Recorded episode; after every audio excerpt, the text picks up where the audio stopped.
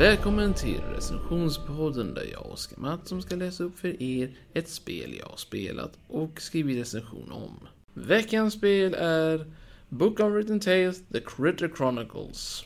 Ja, detta är andra spelet i serien Book of Written Tales, eller mer exakt en prequel till förra spelet. Vilket får börja med berättelsen hur Nate och Critter träffades och hur de blev vänner.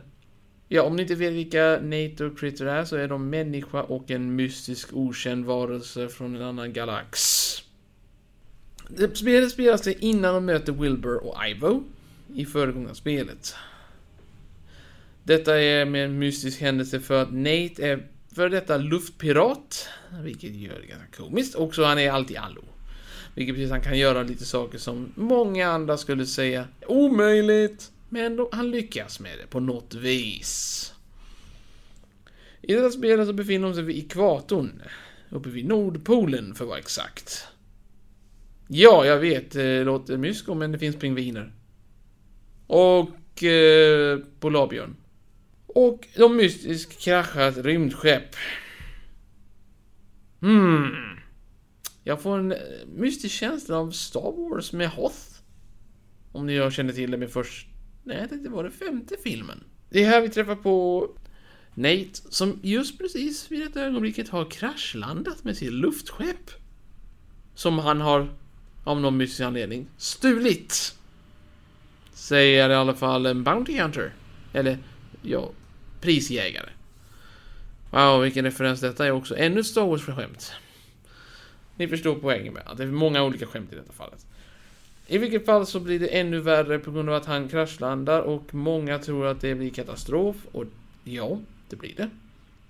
Samtidigt så får vi träffa Critter som eh, av någon mystisk anledning inte säger så mycket för han har tagit ett löfte av tystnad. Eller någorlunda tystnad kan man säga. Och han kämpar med sitt folk för att försöka ta sig därifrån som allihopa blir förslavade av ondskans krafter. I detta spelet så är det som det förra spelet, ett point and click-spel med lite små tuffare pussel. Än normalt, kan jag säga. För det finns, för första gången de försökte med en svårighetsgrad. Vilket gör det ännu värre, för det finns nu extra pussel om du kör på högsta svårighetsgrad. Det finns alltså två lägen, den ena är normalt läge, vilket är nog alla utom tre pussel. Sen så alltså, har du högsta svårighetsgrad, eller svårare läge. Vilket innehåller tre extra pussel som behöver användas innan du gör andra pussel, eller så låser du spelet.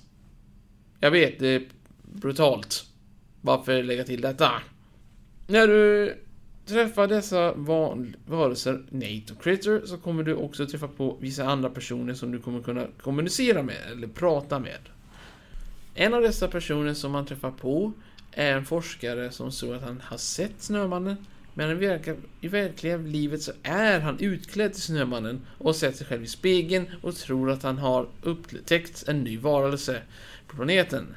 Om man bara visste om att alla de nya varelserna är inte från den här planeten utan är utomjordingar eller dimensionella monster.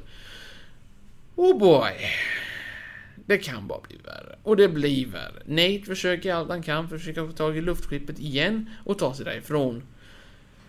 Genom hela storyn så kommer du försöka hjälpa Nate och hjälpa Critter samtidigt befria sitt folk. Som i sin tur leder till att han blir strandad på planeten tillfälligt. För att han är tvungen att hjälpa Nate. För att han har gjort ett blodsband. Eller bund. Förbund kan man kalla det. Ungefär som Chewbacca och, ja, ni kan gissa på det, med Han Solo. Vilket är ganska imponerande eftersom att varför i hela världen skulle en Critter vara så dum att engagera sig till denna idiot till Nate. Men ni förstår vad som händer senare om ni spelar spelet. Rekommendation. Men i slutändan så lyckas de ju klara sig därifrån, men hur? Det får ni ta reda på själv. Men som ni förstår om ni har sett förra spelet så vet ni vad som händer sen. De tar sig därifrån, men det är något som inte stämmer ombord.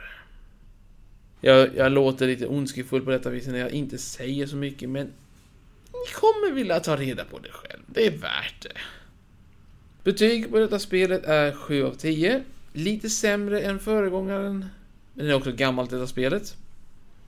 Men värt det. 100% värt det. Är det på rea, köp det definitivt. Är det inte på rea, det är bara 100 spänn. Det är värt det.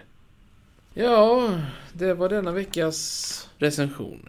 Jag hoppas att ni njöt. Och att nästa vecka ska vi uppfölj ta uppföljaren till detta spelet. Det sista spelet de gjort i den här serien. Och ja, det kommer inte vara en prequel igen. För så hade det varit skrämmande. Men jag hoppas att ni njöt. Tack för mig. Hej då.